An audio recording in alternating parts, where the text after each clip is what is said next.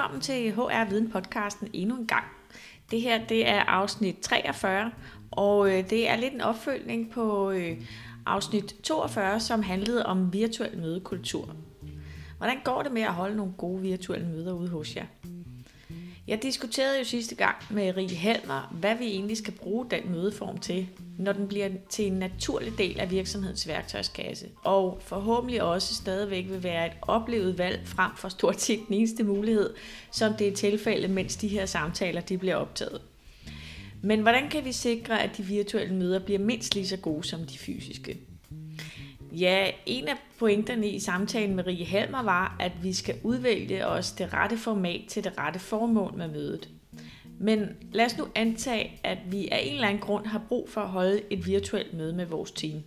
Måske fordi teamet sidder geografisk spredt, eller fordi det relationelle, relationelle aspekt af mødet har noget mindre prioritet i forhold til, hvad vi skal opnå med mødet.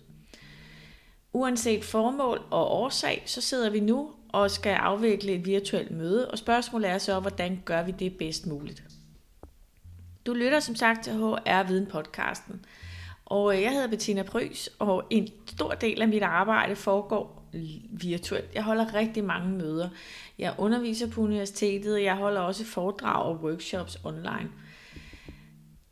Derfor har jeg også brugt meget energi på at optimere de møder, fordi de ofte stadigvæk halter en hel del bagud i kvalitet i forhold til det fysiske møde. Og det synes jeg er smadret ærgerligt.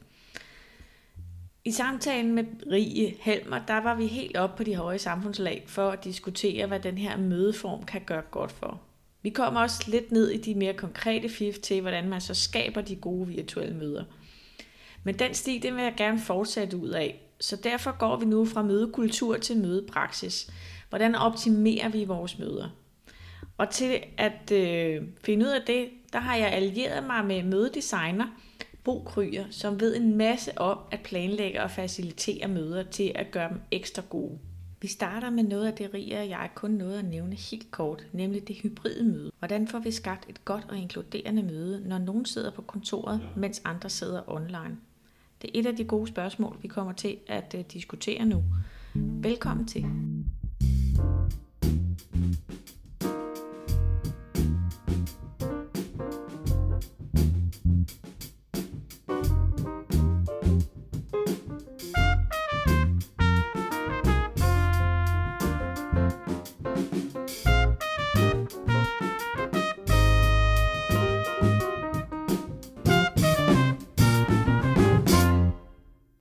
Bo Kryer, tusind tak, fordi du vil være med. Kan du fortælle mig lidt mere om, hvorfor, ja, lytterne lidt mere om, hvorfor er det, vi, har, vi to har sat hinanden i stævne her på Zoom på sådan en torsdag formiddag for at snakke om virtuelle møder. Hvad er det, du kan? Ja, altså, der er jo nogen, der vil kalde mig mødeekspert, som du også øh, nævnte her. Og det var noget, jeg blev for mange, mange år siden, fordi at øh, jeg havde gået til sindssygt mange møder, ligesom alle mulige andre, tror jeg. Og på et tidspunkt, så blev jeg simpelthen så træt af at, at gå til dårlige møder, synes jeg. Og, og plus at jeg havde en overvejelse om, at er det virkelig det her, mit arbejdsliv skal handle om, at jeg skal gå til møder næsten hele tiden. Uh, så jeg tog en aktiv beslutning om, at jeg ville prøve at gøre møderne bedre, og det har jeg sådan set arbejdet med nu i øh, uh, 15 år. Og uh, ja, ligesom alle mulige andre, så er jeg gået ind i det virtuelle, uh, faktisk et stykke tid før, at det ligesom blev helt moderne. Jeg arbejdede i Implement øh, Consulting Group, som er et stort konsulenthus i Danmark, og der var jeg ansvarlig for at udbyde, udbyde kurser i virtuel facilitering og mødeledelse, altså før alt det her corona begyndte. Før og, vi alle sammen blev tvunget til at holde virtuelle møder, ja. Ja, lige præcis. Og øh, det, der var så underligt, det var, at vi kunne simpelthen ikke få nok til vores hold. Altså, der var simpelthen ikke nok, der tilmeldte sig, så vi blev nødt til at aflyse de kurser, vi oprettede. Øh, og så kom corona, og nu er alle jo ligesom all time øh, inde i den her øh, virtuelle verden det meste af tiden, og det har jeg jo også været. Så min læringskurve, ligesom alle andres, har været utrolig stejl. Og øh, jeg har jo kunnet bruge rigtig meget af det, jeg har vidst om møder i forvejen, men der er selvfølgelig også en masse ting, der er, er nye og anderledes i det virtuelle. Så, så bliver vi ved med at holde virtuelle møder, også når vi får lov til at komme tilbage på kontorerne, tror du? Ja, det gør vi helt sikkert, fordi det hænger jo sammen med en række andre uh, trends, så vi kan se.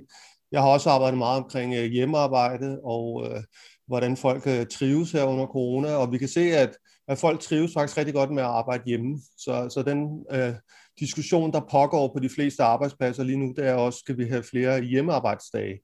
Og øh, det er der ingen tvivl om, at, at øh, hvis vi skal det, så skal vi også til at have flere virtuelle møder.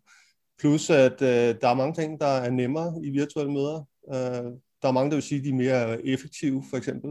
De er nemmere at sætte i stand, og folk skal ikke rejse så langt for at komme til dem. Så der er en lang række fordele. Men jeg tror, noget af det, vi også kommer til at se, som vi ikke har set så meget endnu, det er, at der kommer til at komme en ny type møder, som er de hybride møder, altså hvor vi kombinerer den fysiske tilstedeværelse med den virtuelle tilstedeværelse. Og det tror jeg bliver rigtig stort, og det tror jeg er det næste store nød, vi skal knække inden for det her, og finde ud af, hvordan håndterer vi den situation, altså hvor der er nogen, der sidder med på distancen til mødet, og nogen, der er fysisk til stede, som er en rimelig tricky øh, situation at arbejde med. Det er det. Det vil jeg vildt gerne snakke med dig om, fordi ja, en ting er, at vi alle sammen nu er, har vendet os til, at når, jamen, jeg skal huske at få teknikken til at virke, og jeg skal tige stille, når de andre snakker, og jeg skal række hånden op, når jeg bliver afbrudt osv. Men, men det, er jo, det er jo, når vi alle sammen sidder i den samme betingelse. Ikke? Øh, så så hvad, hvad gør vi? Altså, hvad gør vi så, når nogen af os sidder og skal række hånden op virtuelt, og andre sidder på kontoret og kan afbryde hinanden, når de lige har et eller andet indspark? Altså jeg må desværre sige, at jeg har ikke sådan det, den gyldne løsning på det nu, for jeg tror, det er noget af det, vi skal udforske, men, men uh, noget, vi i hvert fald skal være rigtig opmærksom på, det er, at dem, der er med virtuelt, de kan hurtigt komme til at føle sig udenfor. Så forestil dig, at du havde et fysisk møde, og så havde du nogen, der sad omkring bordet, og så havde du nogen, der sad sådan ved bagvæggen nede i den anden ende af lokalet. Ja. Uh, de ville meget, meget hurtigt føle sig uden for mødet, og der kan man se, at de vil ikke bidrage så aktivt til, i et fysisk møde. Og, og det er jo det samme, der sker meget ofte i, i de hybride møder, det er, at dem, der er på virtuelt, de føler sig egentlig lidt uden for mødet. Så vi skal tage et særligt ansvar i forhold til at få dem inkluderet. Og øh, hvis man har lidt større møder, så vil man nogle gange gøre det, at man har simpelthen en, en vært, øh, som tager sig af øh, at ligesom bygge den bro mellem det, de virtuelt tilstedeværende og de fysisk tilstedeværende. Men hvis vi nu bare siger, okay, vi er et team på 10 personer, og tre af os arbejder hjemmefra, og resten af jer sidder inde på kontoret, øh, ja. så, så, så tror jeg, du er fuldstændig ret i, der er, en, der er en inklusionsopgave, som jo i virkeligheden hele tiden har været der, når man holder møder, fordi der er nogen, der taler mere end andre, eller har brug for lige at øh, tænke et øjeblik, før man, man kan udtrykke det, man har tænkt, eller øh, har brug for at, at blive givet ordet i stedet for at tage det. Men, men i det virtuelle format er det jo endnu sværere at bare snuppe ordet, og der især hvis, hvis dem, der snakker rigtig meget, sidder sammen på kontoret. Ikke? Øh, så, så det er mødefaciliteringsrollen, der, der bliver endnu vigtigere. Ja, altså, øhm, og jeg tror noget af det, man kan gøre, det er, at hvis man nu sidder i et rum, hvor der er en stor skærm, så kunne man jo gøre det, at dem, der er virtuelt, man sørger for, at de bliver rigtig tydelige, altså så de er blæst op så, så vi virkelig kan se dem, øh, så vi ikke glemmer, at de er der. Så vi nudger os selv, kan man så sige, øh, så vi faktisk kan se dem fysisk til stede, eller ikke fysisk, men er visuelt til stede. Og så tror jeg, jeg vil simpelthen udpege en på mødet, som havde sådan en slags øh, steward-rolle, som havde til opgave at, at hele tiden have det fokuspunkt, og lige minde os alle sammen om, hov, vi har de her virtuelle deltagere, vi skal huske at have dem på banen. Sådan så du som mødeleder, du har rigeligt at se til, og så kan du nemt komme til at glemme det, men så er der en, der ligesom hjælper dig med den funktion. Så vi skaber en eller anden bro mellem os, der sidder på kontoret, og dem, der sidder på skærmen på væggen der. Ja, god pointe. Ja, fordi noget af det, der er jo tricket med alt det her, det er, at lige pludselig har vi mange flere fokuspunkter. Altså, vi har virkelig mange ting, vi skal være opmærksom på. Og i forvejen var det svært nok at være mødeleder, hvis du skulle lave en god proces, og samtidig lytte til indholdet og tænke over, hvad skal der ske om lidt nu skal du lige pludselig også tænke i flere dimensioner, altså nogen, der er i rummet, og nogen, der er ude af rummet, og der er måske noget teknik også, du skal forholde dig til. Øh, og, og det er altså bare rigtig, rigtig svært, så der kan det være en god idé at få lidt øh, assistance. Og så ved jeg, at der er nogen, der gør simpelthen det, at de, øh, jeg har også prøvet det nogle enkelte gange, og selvom de er fysisk til stede, så, så vælger de faktisk at åbne deres skærm, så alle holder stadig mødet øh, som et øh, Zoom-møde for eksempel, selvom de også fysisk er til stede. Det vil sige, at det primære rum, vi mødes i, er altså stadigvæk det virtuelle, selvom vi er fysisk til stede.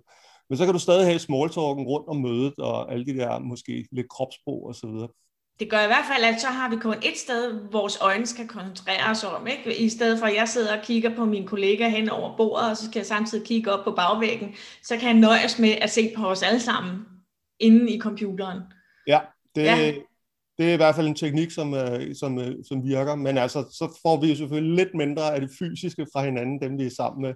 Øh, men øh, jeg tror, det er nogle af de ting, vi skal udforske og, og finde de, de rette øh, former til.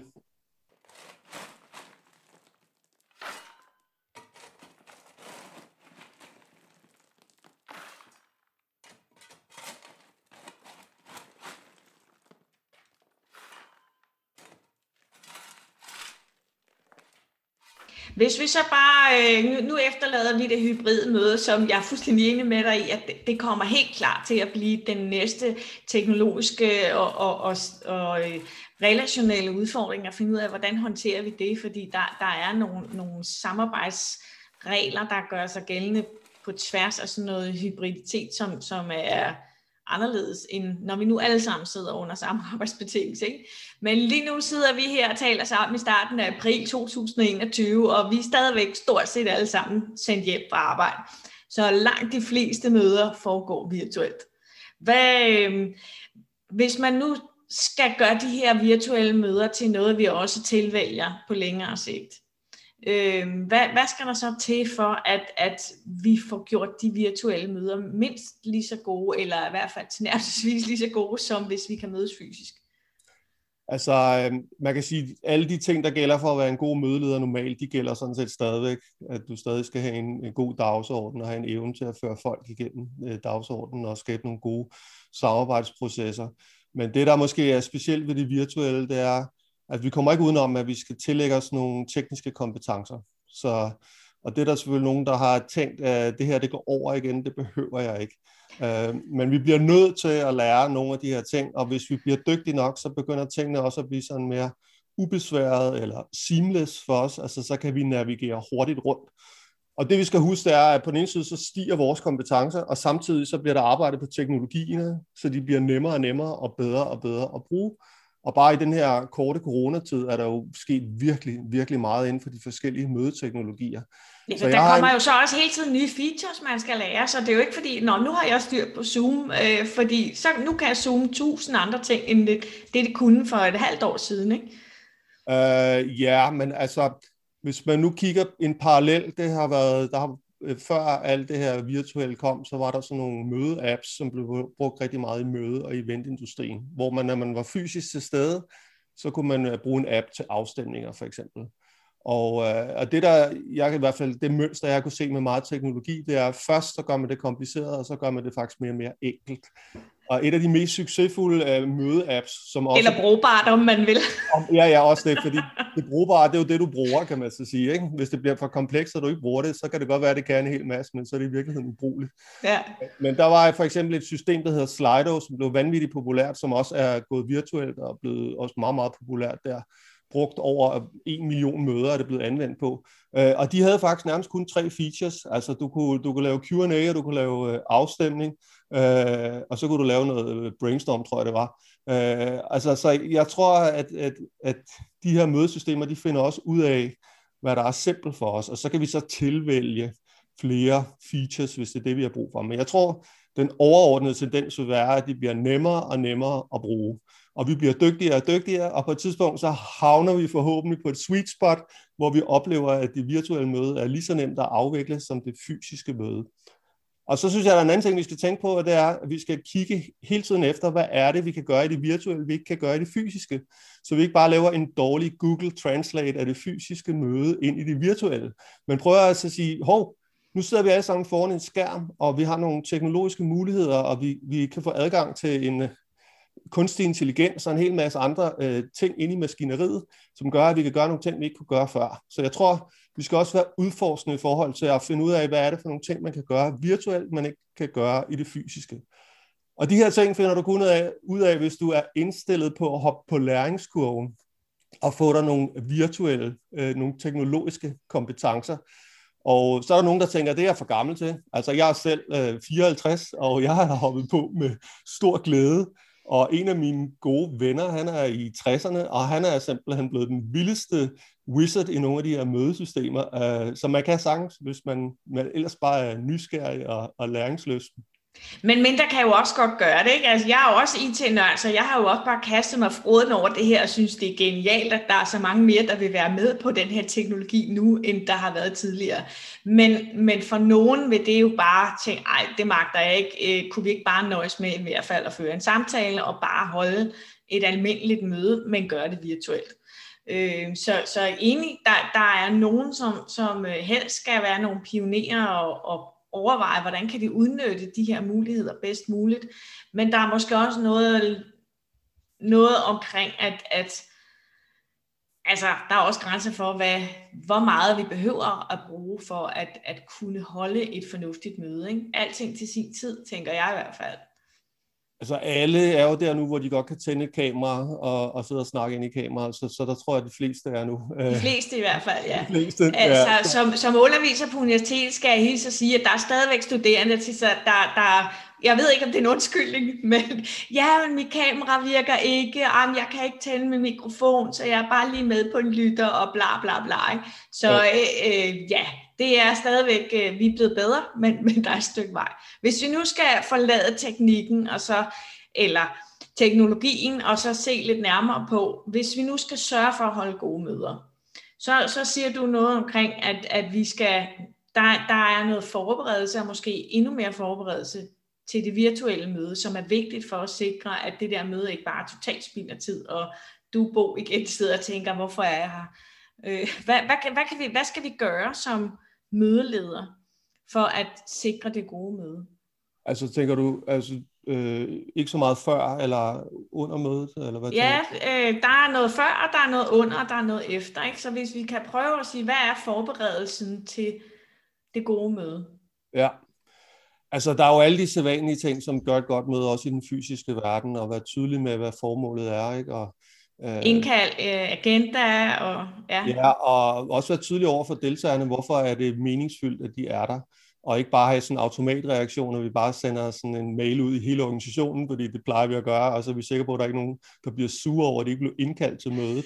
Men øh, behandle hinandens tid med respekt, og så sige, den har vi ikke så meget af, så vi, hvis vi inviterer folk til et møde, så skal der være en god idé med det. Og sørge for, hvis der er noget, de skal forberede sig på, sørge for, at de får det i god tid, og øh, og så videre, og gør det også, man kan sige, virtuelt, hvis der er nogen, der ikke er så vant til, lad os sige, log på Zoom for eksempel. Øh, så lige sørge for, at de faktisk ved, øh, hvad det er, de skal. Og en gang imellem, så kan man gøre det, øh, nu skal jeg lave noget, en ret kompliceret workshop i noget, der hedder Miro, og det er der ikke så mange, der kender. Øh, og så laver vi simpelthen nogle onboarding-aktiviteter inden. Så giver vi simpelthen folk mulighed for lige at at prøve det af, inden selve mødet går i gang, så når mødet starter, så kan de fokusere på indholdet og ikke på teknikken. Så, og Miro, det er, det er en elektronisk whiteboard, øh, som, som øh, man så kan bruge som det her fælles collaboration tool, mens man holder mødet. Ja, det er sådan en samarbejdsplatform, som er meget, ja. mere avanceret end de almindelige møder, som Teams og Zoom, øh, som vi kender øh, de fleste af os. Øh, og så skal man selvfølgelig teste. Altså man kan næsten ikke øh, teste nok. Og øh, altså min teenage for eksempel, øh, søn her, han har, han har virkelig været forsøgskanin på mange ting. Og, og det man skal huske, det er jo, at, at det du ser som mødearrangør og oplever, kan være meget anderledes end det, som mødedeltagerne ser og oplever. Og det kan være noget med opsætningen og deres teknik osv. Så, videre. så det er rigtig vigtigt, at man får testet med nogle andre. Øh, især hvis man skal prøve noget nyt, man ikke har prøvet før det er ikke særlig fedt at stå på selve mødet, og så er der ikke noget, der virker for dig, fordi der var nogle ting, du ikke lige fik øh, tjekket ordentligt efter. Og så sidder der 10 deltagere og triller tomme fingre og bliver utålmodige, og så kan jeg også lige tjekke mail, og så kommer jeg faktisk aldrig rigtig tilbage til at og, ja, engagere mig i mødet, når først du har tabt mig, hvis teknikken ikke virker. Ikke? Jo, jo, altså selvom folks uh, tolerancetærskel har været ret høj, fordi de fleste ved godt, at det har været lidt svært, men så er der alligevel grænser, og, og den grænse, den rykker sig hele tiden nedad, så vi er mindre og mindre uh, accepterende over for tekniske fejl. Men så, der, er jo også, der er jo også noget sådan kulturelt i, når, når vi to sidder og holder et almindeligt fysisk møde, så, så skal der alligevel en del til, før jeg vælger at koncentrere mig om min telefon, samtidig med, at du sidder og snakker, og jeg begynder at tjekke mails det slipper jeg meget nemmere afsted med, når jeg sidder her virtuelt, og, og det er der ingen tvivl om, at folk rent faktisk gør. Øh, der går ikke ret lang tid, før man zoomer ud, og så kan jeg også lige gøre det der, mens Bo han snakker videre. Ikke? Så, så det betyder måske også, at der er nogle andre krav til, øh, dem, der holder mødet, hvis vi skal fange eller fastholde folks opmærksomhed. Du lytter til podcasten HR Viden, en podcast om mennesket på arbejde. Altså, du skal lave et enormt godt mødedesign. Man kan sige, at når du har folk buret inde i et fysisk mødelokale, så, øh, kan det være, så går de ikke bare ud og begynder at hænge vasketøj op eller sådan noget. Men det kan vi jo godt finde på et virtuelt møde. Øh, men det er jo ofte, selvfølgelig fordi der er flere øh, forstyrrende elementer omkring os, når vi for eksempel holder mødet hjemme. Men, men det hænger jo også rigtig meget sammen med, at der er kontant afregning på dårlige møder nu. Altså, det er, folk de slukker deres skærm eller begynder at lave noget andet. Så, så det er, er endnu vigtigere, at vi får lavet et godt mødedesign. Og øh, det er der jo så en række ting, man kan gøre der. Øhm, en ting er, som jeg bruger rigtig meget, det er, at jeg bruger, en, jeg bruger ofte en drejebog, som er en udvidet dags, dagsorden, hvor at jeg ikke bare tager stilling til øh, indholdet på mødet, men også hvor lang tid vil jeg bruge på de enkelte punkter. Og så noget meget, meget vigtigt, jeg tager stilling til, hvordan skal vi samarbejde på mødet. Og øh, det, som vi kommer til at gøre på rigtig mange møder, det er, at vi bare sidder og taler ind i skærmen. Og det er udmattende for alle. Også bare sidde og kigge på hinanden, stige ind i skærmen, og også øh, ofte se sig selv. Det er faktisk enormt trættende at ja. øh, hele tiden kunne se sig selv på skærmen. Øh, så jeg prøver hele tiden at se, om jeg kan lave en, en høj grad af variation. Så jeg vil sige, inddragelse og variation er to ting, der altid har været vigtige, men de er endnu vigtigere i de virtuelle møder. Altså sørg for at lave nogle forskellige ting i løbet af mødet. Lav et breakout. Lav en afstemning. øh, brug chatten. Få folk til at skrive brainstorm ud i chatten. Fordel ordet på forskellige måder. Altså ikke bare øh, den, der rækker hånden i vejret, men også, øh, som du sagde tidligere, måske øh, plukke nogen. Altså, hvis jeg ved, at du har noget vigtigt at sige, og du har ikke sagt noget i lang tid, så kan jeg jo godt plukke dig, øh, hvis der er et emne, jeg ved, det her, det ved du altså noget om. Eller jeg kan se, at du har skrevet noget ude i chatten, så jeg tænker, kan du ikke lige uddybe det der? Øh, så prøv sådan hele tiden at, at sørge for, at der kommer noget dynamik og noget variation.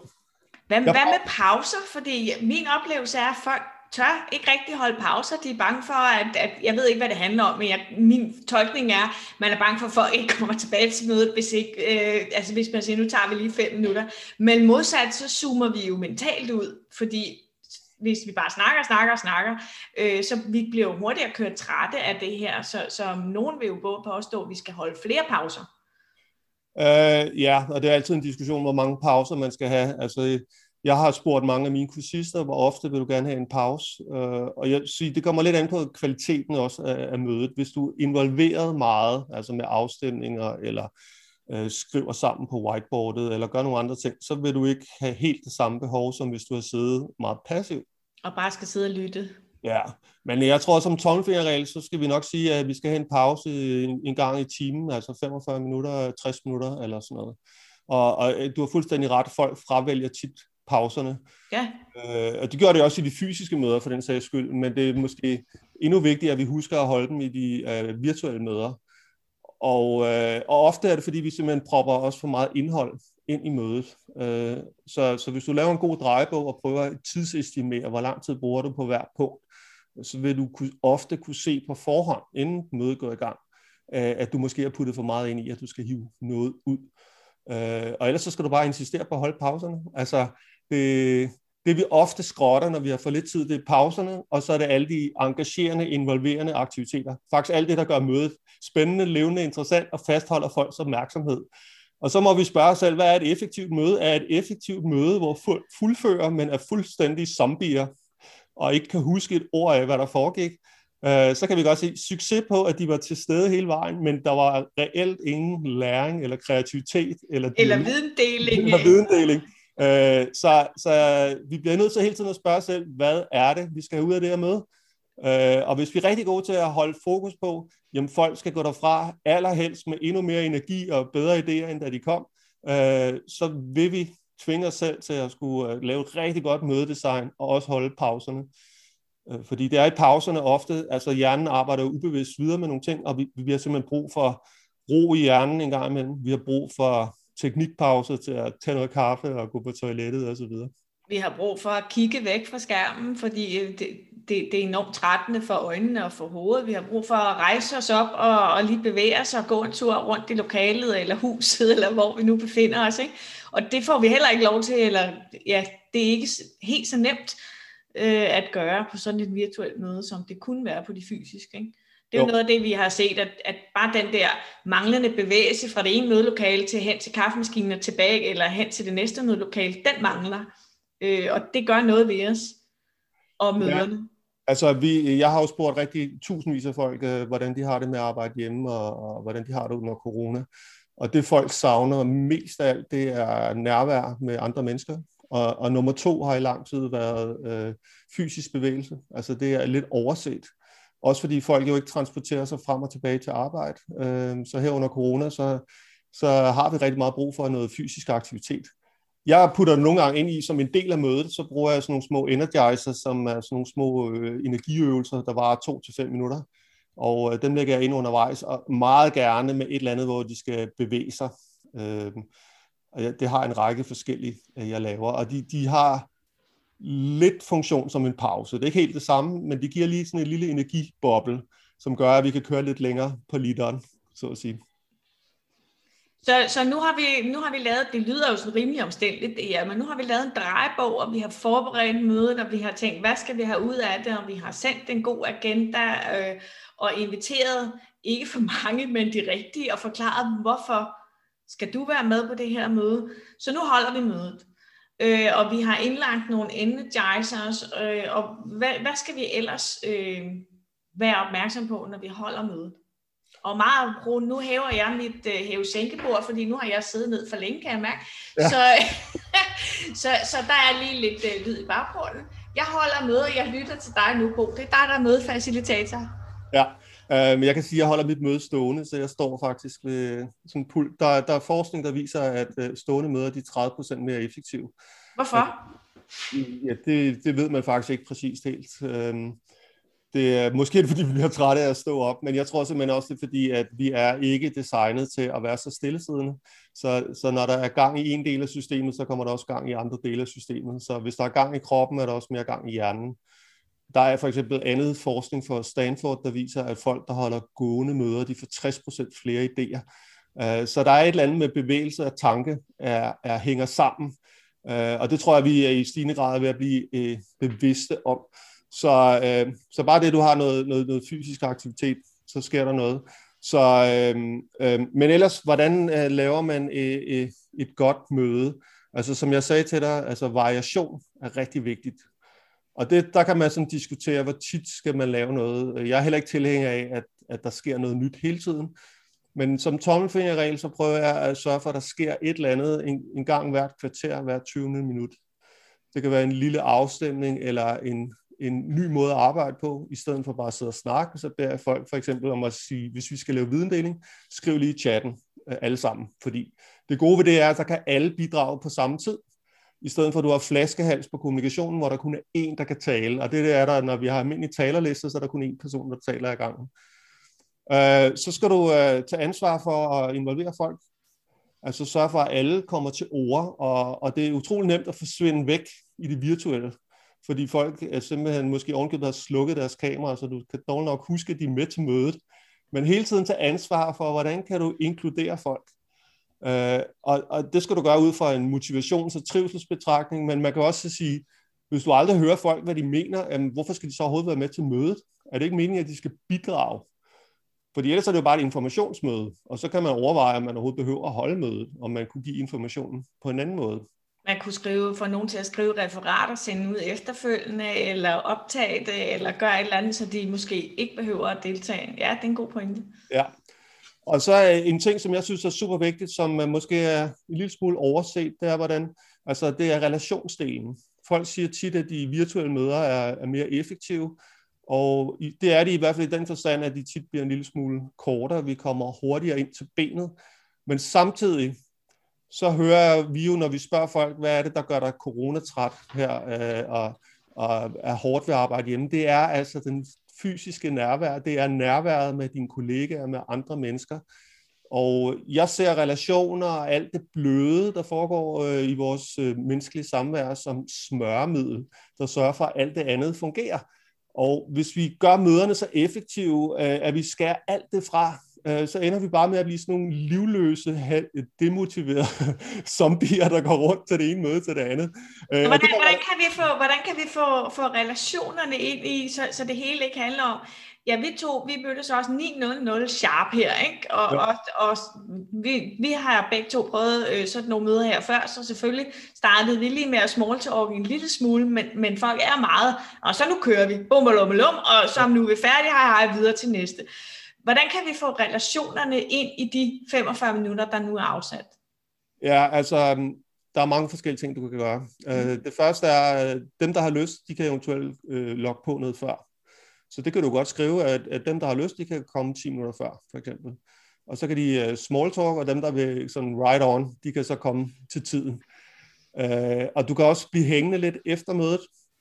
Så jeg anbefaler generelt, at vi holder møder, der måske var, i stedet for en halv time, så kunne de vare 20 eller 25 minutter. Så er der lidt buffer til en pause, men også til small talk. Og i stedet for en time, så kunne vi sige 45 eller 50 minutter. Og det mærkelige er, at vi når som regel tingene alligevel.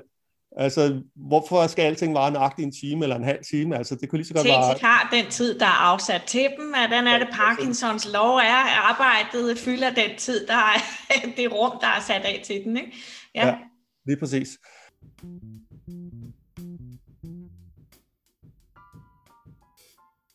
Du skal altså sørge for at få lavet nogle inddragende og varierende møder. Det gælder jo sådan set også i det fysiske rum, men det gælder i endnu højere grad, når møderne skal være online. Og det er nok noget af det vigtigste, du bør tage med dig videre herfra. Skab også noget nærvær og noget fysisk bevægelse i dine møder. Vi falder mentalt i søvn, hvis vi ikke rører os. Og bevægelse understøtter endnu bedre læring og kreativitet. I det virtuelle rum bliver det her endnu vigtigere end i det fysiske. Det gælder også pauserne i møderne og mellem møderne. Husk at gøre plads til i din drejebog, at vi kan få rystet hovedet mentalt, og vi kan få flyttet vores tanker og energi med fra det ene møde til det andet. Nu bevæger vi os over i noget, som du måske godt kan fornemme på mig, jeg har det lidt ambivalent med. Fordi det her med at sikre nærvær og tillid mellem mødedeltagerne, det er vigtigt, især når vi skal arbejde øh, tæt sammen i teams. Så derfor er der nogle gange behov for, at deltagerne giver noget af sig selv, hvis mødet og samarbejdet skal lykkes. Men samtidig er det et ret grænseoverskridende krav, som du, hvor du er nødt til at huske at respektere deltagernes forskellighed.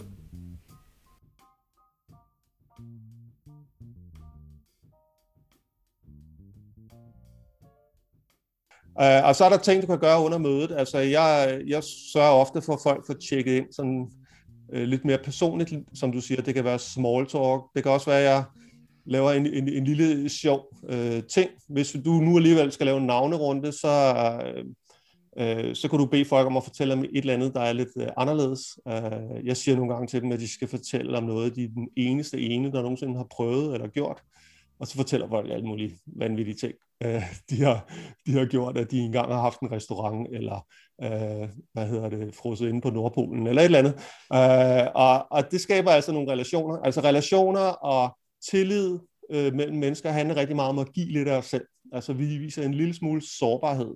Så hvis vi kan invitere folk til at give en lille smule af sig selv, det kan også være en, en sjov afstemning, du laver, øhm, som ikke med, om... med respekt for, at det er bare ikke alle, der har lyst til det. Der er nogen, som, som vil sige, prøv at høre, det her det er en professionel relation, jeg har ikke lyst til at dele med dig, øh, hvad jeg lavede i går aftes efter arbejdstid, for eksempel. Ikke? Så, så jeg tænker, at, at øh, på den ene side er jeg enig med dig i, at, at vi, skal, vi skal dele noget af os, vi skal vise noget sårbarhed for at opnå tillid.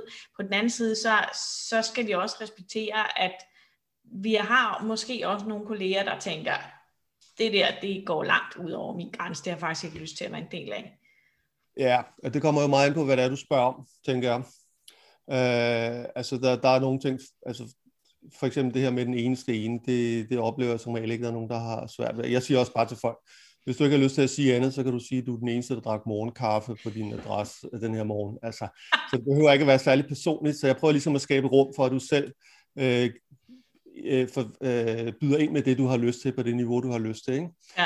Og, og så er det heller ikke altid, altså hvis der er nu mange, så er det måske bare nogle enkelte stykker, eller, øh, men øh, Ja, altså jeg er ikke så bange for det der med at gøre en lille smule personligt. Jeg, altså, vi er ikke ude i sådan noget med, det kan vi jo ligesom ikke give hinanden kæmpe krammer, øh, gruppekram og øh, fortælle om øh, din største livskrise og sådan noget. Altså det er nogle små bløde ting, jeg tænker på. Så noget andet, der virker, og det er sådan en løbende diskussion, øh, som er lidt svær faktisk, det er, som vi begge to har nu, vi har begge to vores naturlige baggrund. Så jeg mm. anbefaler tit folk, at, at øh, de viser en lille smule af det sted, de bor, altså så de faktisk øh, har ikke en virtuel baggrund, men øh, tændt kamera for det første, så man kan se hinanden, men også så vi kan se lidt, øh, hvor det er, vi bor. Og det bruger jeg nogle gange til mødet, så kan man for eksempel lige bare fortælle, hvor er det, du er henne, rent fysisk.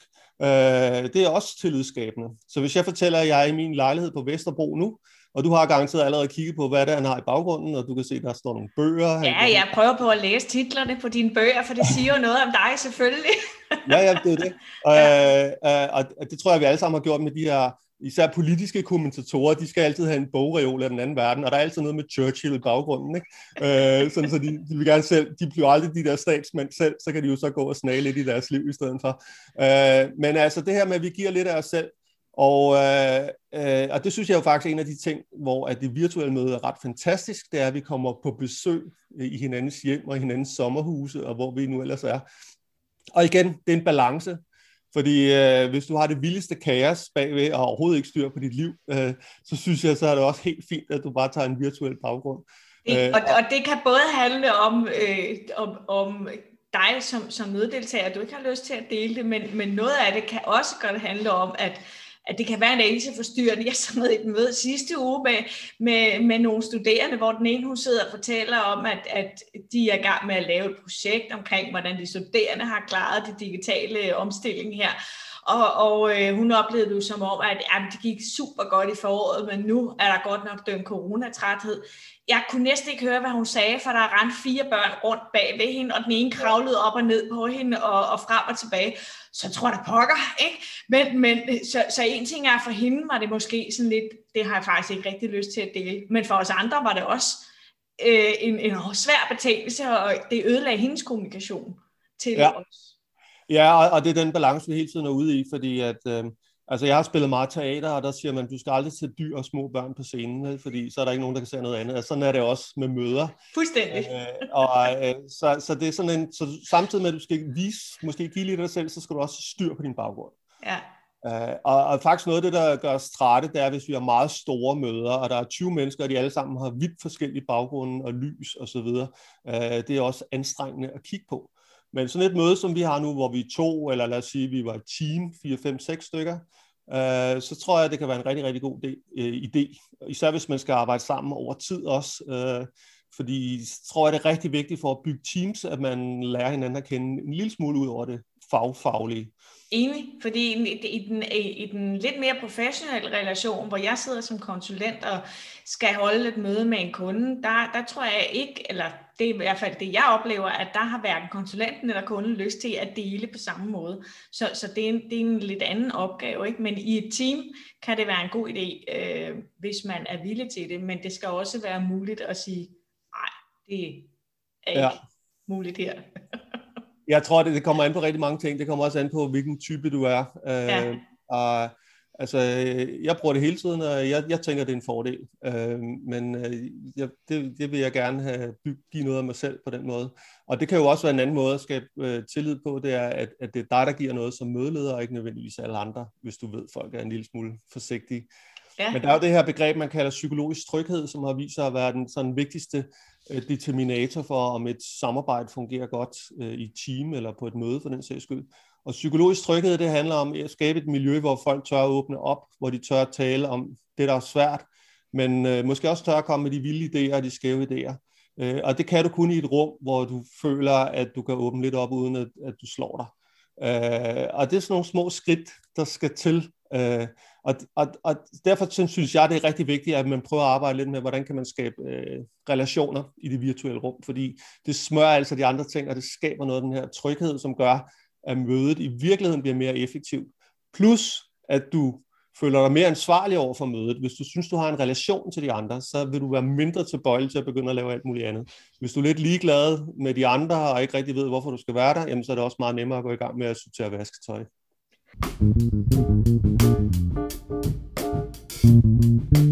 Thank you.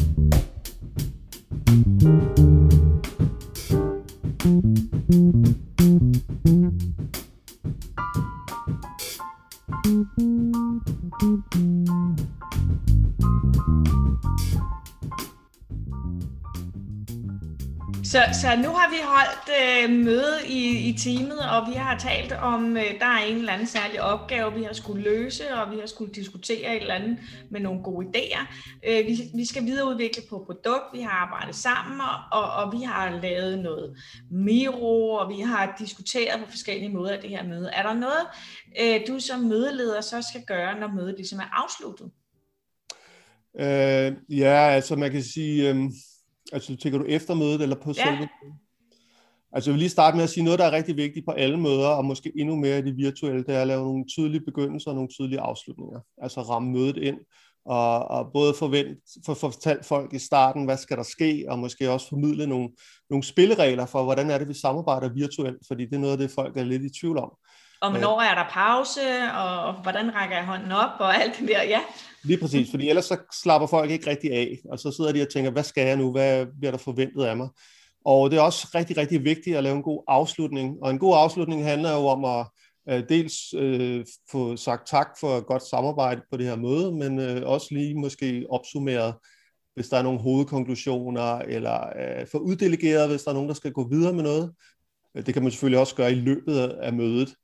Og inden for oplevelsespsykologi, så ved vi, at det, du husker bedst for en begivenhed, det er højdepunkter, og så er det afslutningen. Så en, en dårlig afslutning på et møde kan faktisk ødelægge det, der egentlig var et godt møde. Og en dårlig afslutning, det er sådan et, hvor der ikke bliver konkluderet, der bliver ikke opsummeret, og det går over tiden, og halvdelen er gået, og så videre. Og jeg skal øh, også videre, så ja, jeg er nødt til at smutte nu. Åh, oh, det er ja. det værste. Præcis. Uh, omvendt, så, så kan en god afslutning redde et halvsløjt møde, uh, og så kan du alligevel tænke, at det var faktisk, vi nåede skulle alligevel nogle ting, og det var ikke så tosset det her. Uh, så du skal gøre lige så meget ud af at forberede en god afslutning som en god start.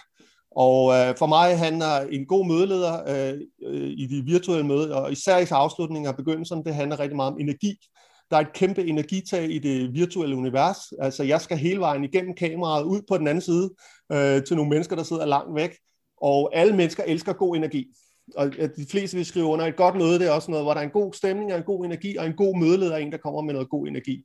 Øh, så som mødeleder, så skal du virkelig skrue lidt op for energiniveauet, og, og til sidst, så plejer jeg altid lige se, jeg kan give den et godt boost, for jeg vil gerne have, at folk går ud af rummet med, med rigtig god energi.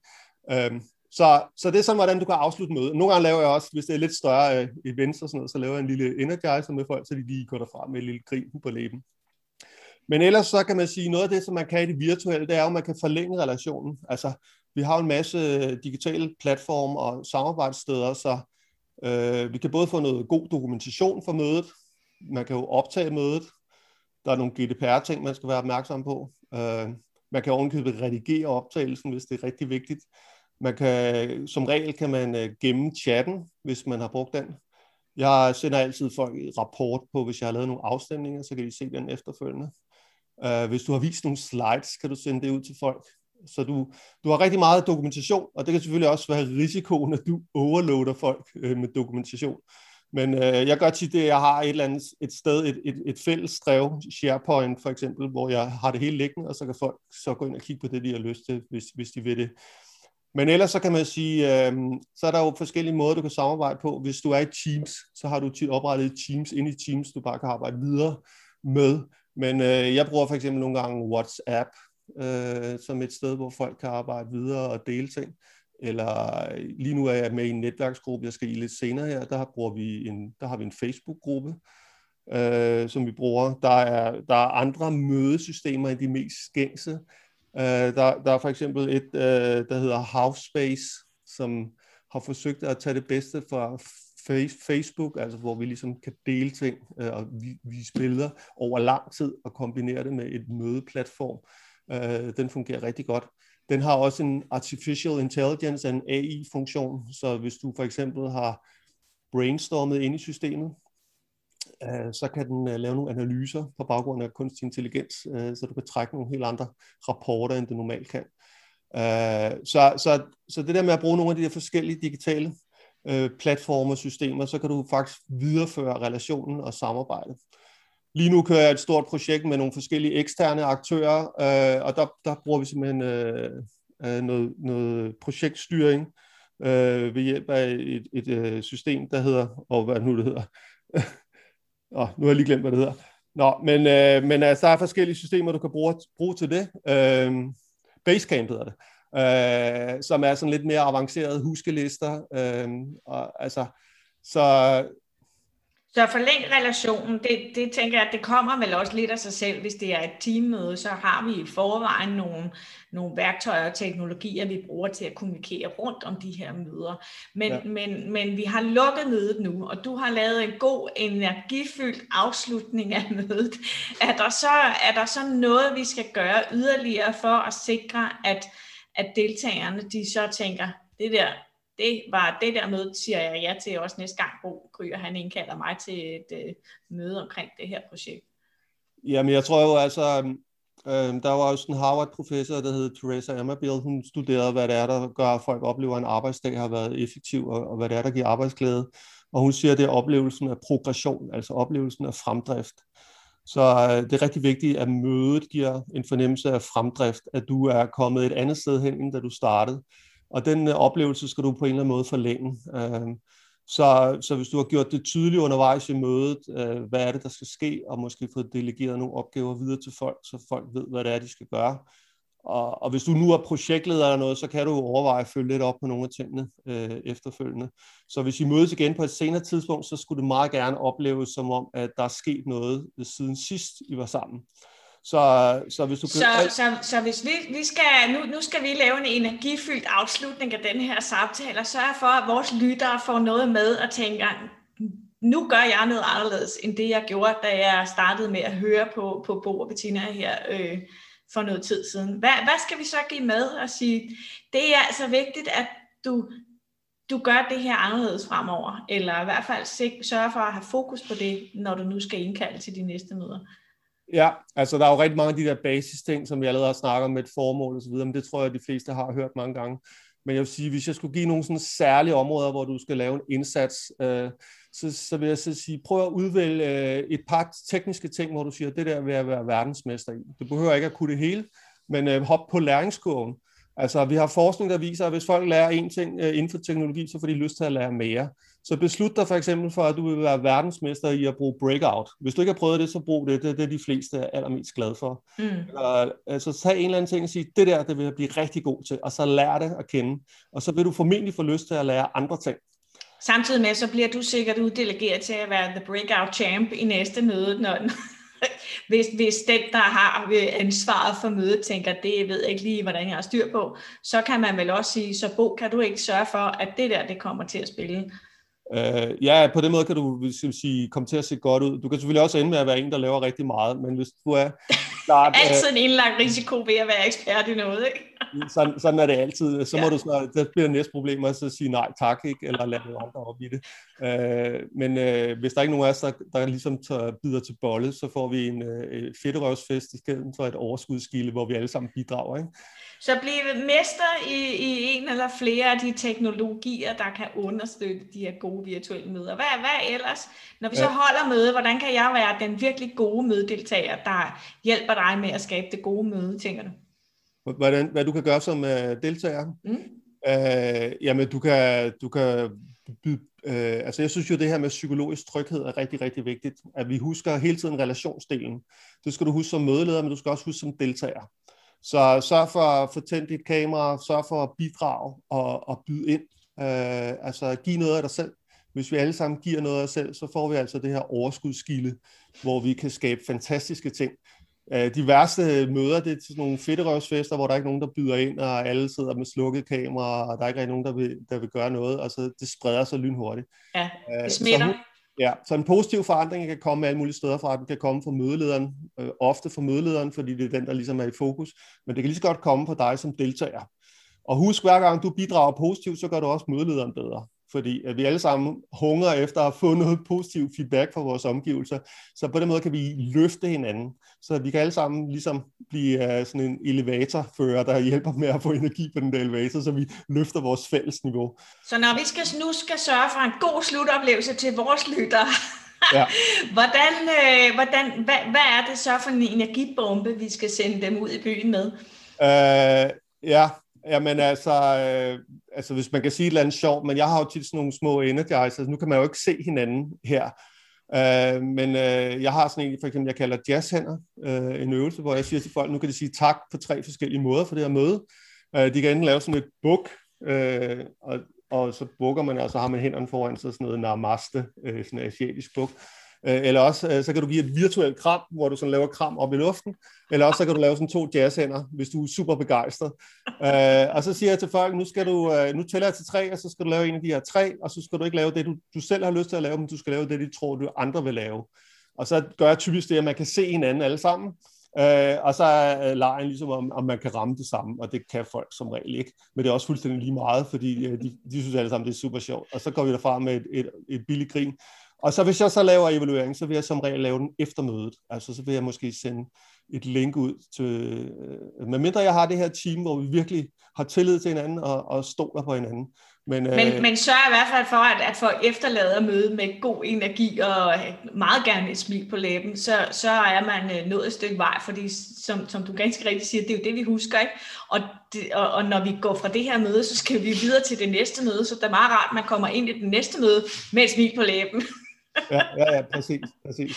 Så øh, Bo Krye, jeg håber, vi nu også har efterladt vores lytter med et smil på læben og, og nogle nye gode idéer til, hvordan øh, vi kan få skabt nogle endnu bedre virtuelle møder. Jeg er i hvert fald rigtig, rigtig glad for, at du tog dig tid til at snakke med mig, øh, fordi øh, to hjerner tænker endnu bedre end et. Så øh, tak for det. Det var en fornøjelse. Ja, i lige måde. Det var super fedt. Tak skal du have, og held og lykke derude.